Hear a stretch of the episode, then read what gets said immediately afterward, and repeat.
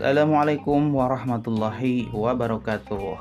Apa kabarnya anak-anakku sekalian? Di mana pun kalian berada Mudah-mudahan pagi hari ini Kalian tetap dalam keadaan sehat Walafiat tiada kurang suatu apa pun. Dan jangan lupa pagi hari Kalian harus sudah mandi ya Walaupun masih kondisi pembelajaran jarak jauh. Kalian tidak harus ke sekolah Tapi Hal-hal baik yang biasa harus dilakukan di pagi hari jangan pernah ditinggalkan. Setiap hari kalau pagi-pagi bangun tidur, kemudian kalian mandi, uh, sholat subuh, bantu orang tuanya menyiapkan sarapan pagi, kemudian juga merapihkan rumah. Dan satu hal juga yang sangat penting, kalian jangan terus main handphone, main gadget atau gawe. Karena uh, menurut uh, kesehatan disepakati juga oleh semua ahli kesehatan bahwa uh, seseorang itu tidak boleh lebih dari dua jam dalam sehari semalam itu dalam menggunakan gadgetnya. Baik itu membuka konten yang positif maupun yang negatif. Nah, maka kalau seseorang sudah lebih dari dua jam itu dikhawatirkan sudah mulai ada gejala-gejala uh, kecanduan gawe atau kecanduan handphone Kalian sekalian, di pagi hari ini kita masih akan belajar ini untuk kelas 6 ya, untuk kelas 6 kali pagi hari ini kita akan belajar masih tentang menuju masyarakat sejahtera. Ini adalah um, bahasan di tema 6 uh, eh, subtema pertama. Anak-anakku sekalian, kali ini Bapak akan mengajak kalian untuk uh, mempelajari atau berdiskusi tentang peran para remaja pada pelestarian lingkungan. Anakku sekalian, uh, di fase kehidupan manusia itu ya berjalan sesuai dengan fasenya masing-masing dan uh, fasenya itu cenderung sama. Manusia itu pertama setelah dilahirkan dia akan menjadi balita, bayi lima tahun. Pertama bayi dulu ya bayi, kemudian bayi lima tahun, kemudian dia tumbuh menjadi anak-anak setelah itu nanti dia menjadi remaja. Setelah remaja dia berkembang menjadi pemuda kemudian dia menjadi dewasa akhirnya tua. Dan setelah tua maka uh, lansia lanjut usia. Dan itu fase manusia dalam kehidupannya. Nah kalian hari ini itu ada dalam fase kanak-kanak ya. Uh, kalian dalam fase anak-anak. Dan setelah anak-anak di kelas 6, 5, 6 itu sudah mulai akan masuk ke fase remaja. Nah, sekarang kita akan berbicara tentang apa peran remaja uh, dalam pelestarian lingkungan. Anak-anak sekalian, masa-masa adalah masa remaja adalah masa penyesuaian yaitu masa penyesuaian itu masa dari perpindahan dari masa anak-anak uh, anak-anak ke uh, masa dewasa awal. Nah, itu akan masuk masa remaja. Nah, masa remaja ini kalau dari umur sekitar rata-rata ya, rata-rata itu ketika anak-anak masuk usia 10 tahun hingga 12 tahun. Nah, nanti masa remaja akhir itu kira-kira sekitar usia 18 tahun hingga 22 tahun. Nah, pada perkembangan ini, pencapaian kemandirian dan identitas anak itu sangat menonjol, ya. Nah, sangat menonjol dan ini adalah fase yang yang apa ya, yang, yang rentan. Jadi kalau kalau bapak sering mengibaratkan uh, ini adalah fase di mana uh, eh, anak-anak itu harus hati-hati karena pasar remaja ini banyak yang uh, banyak yang kadang tidak bisa mengendalikan dirinya. Karena waktu itu waktu kamu masuk masa remaja ini itu hormon dalam tubuh kamu itu mulai mulai diproduksi dan itu hormon-hormon itu yang akan banyak mempengaruhi ke dalam uh, kehidupan kamu. Nanti kamu akan mengalami perubahan baik fisik maupun psikis ya di masa masuk masa remaja ini. Dan masa remaja ini termasuk masa-masa labil. Nanti kamu menjadi uh, manusia labil ya seperti ombak itu yang ya ini masa-masa ketika kamu sedang mencari jati diri. Kamu akan mencari siapa saya, mau apa hidup ini. Itu di masa-masa ini sangat sangat tampak sekali ya dan ketika masuk masa remaja ini banyak sekali eh, perubahan-perubahan psikis perasaan kamu juga akan sedikit bergeser dari masa kanak-kanak menuju masa dewasa awal nah anak-anak sekalian salah satu hal yang uh, biasanya muncul di masa remaja ini yaitu mulai tumbuhnya rasa uh, kecintaan terhadap sesuatu termasuk terhadap lingkungan. Nah, seperti apa bentuk kecintaan anak-anak remaja terhadap lingkungan? Nah, ini uh, contohnya biasanya di sekolah itu makanya di SMP, di SMA itu sudah mulai ada yang namanya komunitas uh, pecinta alam ya pecinta alam nah uh, kalian yang nanti setelah masuk SMP SMA kalau di sekolahnya ada klub atau ada ekstrakurikuler pecinta alam coba kalian masuk ke situ ya untuk berlatih berorganisasi juga untuk melatih menumbuhkan rasa cinta kalian terhadap alam nah biasanya kegiatan-kegiatan anak-anak pecinta alam itu bukan hanya naik gunung saja tapi berbagai macam kegiatan yang di situ uh, menunjukkan uh, bentuk kecintaan mereka terhadap alam. Uh, yang pertama biasanya di antara kegiatan anak pecinta alam itu adalah kegiatan reboisasi di lahan gundul. You know what is the mining reboisasi? Apa itu reboisasi? Reboisasi itu adalah penanaman kembali. Jadi banyak sekali hari ini tuh banyak sekali hutan-hutan yang gundul ya.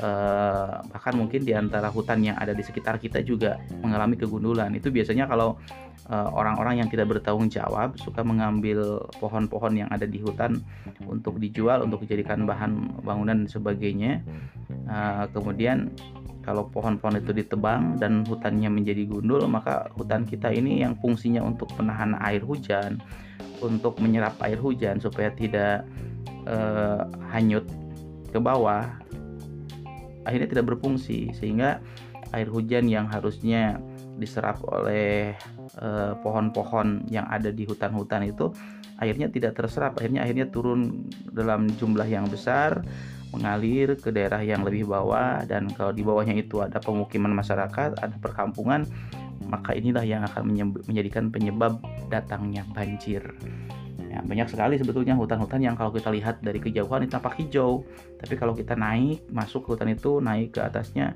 itu di di tengah-tengah hutannya sudah gundul.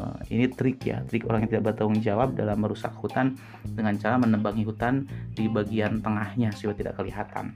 Nah, namun sekalian, itu salah satu bentuk contoh orang-orang pecinta alam, maka dia akan mengadakan reboisasi pohon-pohon yang sudah ditebang itu ditanami lagi, ditanami lagi. Ya. Nah, yang kedua biasanya eh, di antara aktivitas para pecinta alam itu adalah Eh, mengadakan tempat pembuangan sampah secara bersama-sama. Jadi eh, salah satu yang bisa merusak alam itu adalah banyaknya sampah yang bertebaran di mana saja. Nah, sampah ini yang sudah menjadi masalah yang besar di negara kita ya.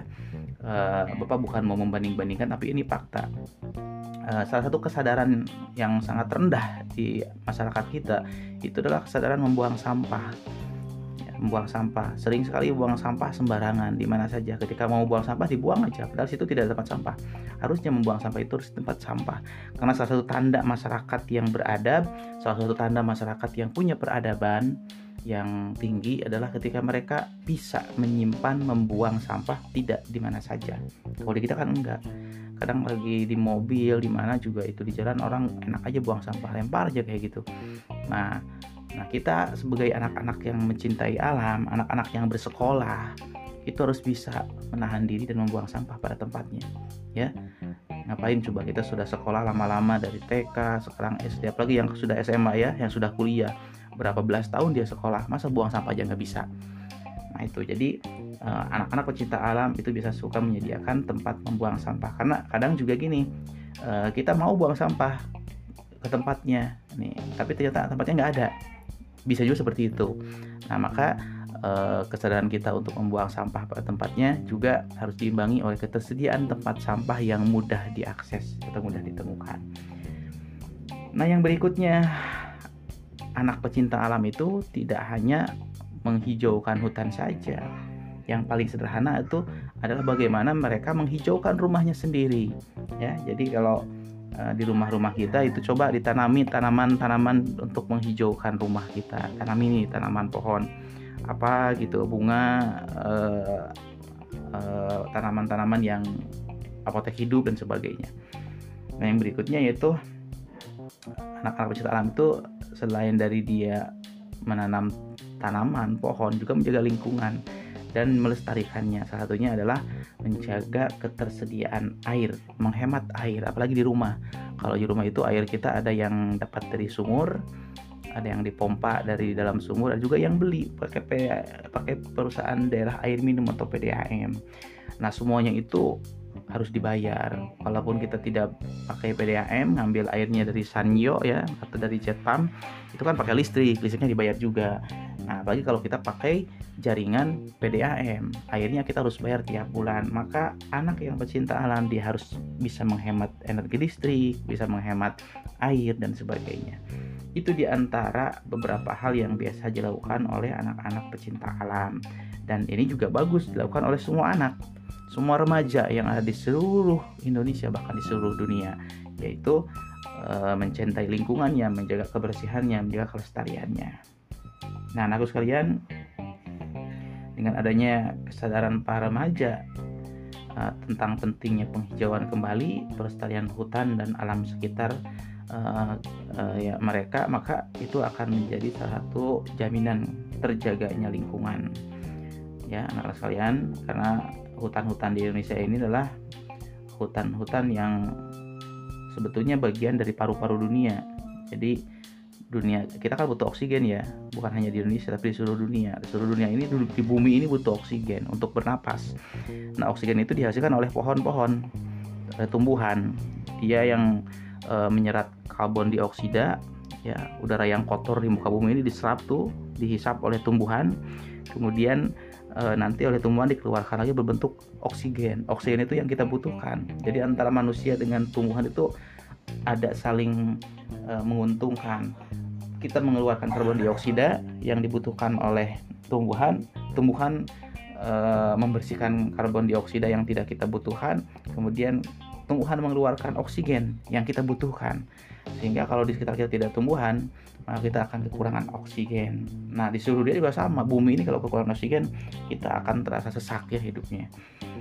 Nah, anak sekalian, uh, bicara tentang remaja, uh, kembali ke tadi yang Bapak sampaikan di awal-awal. Nah, ini anak-anak remaja ini adalah masa peralihan dari anak-anak ke dewasa awal. Nah, itu karena masa peralihan, masa perubahan, maka akan ada sesuatu yang rubah yang dirasakan, yang berubah yang dirasakan oleh kita. Jadi kalian kalau kembali ke anak-anak, eh, dunia anak-anak dengan dunia remaja itu beda. Akan ada sesuatu yang terasa beda oleh diri kalian ya. Nah biasanya yang akan terjadi satu masa yang itu tidak bisa dihindari oleh semua orang. Itu disebut dengan masa pubertas. Ya masa pubertas. Apa itu masa pubertas? Kalau kata orang Sunda mah uh, beger. What is meaning beger? Silahkan tanya kepada ayah ibunya ya kepada ayah bundanya. Apa itu beger Nah, ini masa pubertas ini, ini masa-masa di mana kalian berubah dari masa anak-anak masuk ke masa dewasa awal. Nah, ketika kalian masuk eh, masa-masa pubertas itu akan ada perubahan baik dari perempuan maupun dari laki-laki. Laki-laki dan perempuan itu ada ada bedanya ya perubahannya apa yang berubah baik berubah secara fisik fisik ada perubahan dari fisiknya kemudian juga ada perubahan secara psikis ada perubahan uh, perasaan juga ya ada perubahan kesukaan juga kebiasaan juga. Nah itu yang terjadi. Nah uh, kesempatan kali ini Bapak mau minta kepada kalian coba cari tahu apa ciri-ciri pubertas pada laki-laki dan ciri-ciri pubertas pada perempuan. Ya pada perempuan. Nah, itu anak pubertas itu biasanya terjadi antara usia 10 sampai 15 tahun. Tapi anak perempuan biasanya lebih cepat daripada laki-laki pubertasnya. Ya. Nah, yang paling mudah, yang paling mudah itu tanda pubertas itu adalah ketika uh, kamu mulai memiliki rasa suka terhadap lawan jenis kamu. Kalau perempuan mulai tiba-tiba suka pada laki-laki, suka dalam tanda kutip ya. Ah, laki-laki pun mulai punya rasa suka terhadap perempuan. Itu tanda yang paling mudah ketika seorang uh, masuk masa pubertas nah, kemudian nanti ada tanda-tanda yang lainnya. Rambut uh, akan uh, apa bentuk tubuhnya seperti apa ada yang ada sesuatu yang tumbuh dalam dirinya ya gitu. Kemudian ada suara yang berubah dan sebagainya. Nah kalian tugasnya silahkan kalian boleh cari di buku cari di Google cari di mana saja banyak itu sumbernya untuk mencari itu tentang apa tanda-tanda pubertas baik laki-laki maupun perempuan nanti buat judulnya ciri-ciri pubertas pada anak laki-laki satu apa dua apa tiga apa empat apa. Perempuan juga sama tanda-tanda pubertas pada perempuan satu ini dua ini, ini, ini. itu sih. Kan nanti cari ya banyak itu boleh bertanya juga pada orang tua dan sebagainya. Nah sekarang nanti setelah setelah kalian mem, e, menulis mencari tahu tentang tanda-tanda pubertas pada laki-laki dan perempuan sekarang tanya pada diri kalian. Apakah kalian sudah termasuk salah satu di antara anak yang masuk masa pubertas. Oke anak sekalian sementara itu saja eh, penjelasan dari Bapak untuk pembelajaran kita pada hari ini pagi ini tentang tema 6 sub tema 1 dan mudah-mudahan ini menjadi bagian dari pencerahan untuk kalian dan uh, menjadi tambahan informasi pengetahuan. Oke, harus sekalian, selamat mencari tanda-tanda pubertas pagi hari ini. Nanti kalian kumpulkan ke Bapak ya. Oke, terima kasih untuk paginya. Jangan lupa untuk tetap semangat belajar dan jaga uh, protokol kesehatan. Assalamualaikum warahmatullahi wabarakatuh.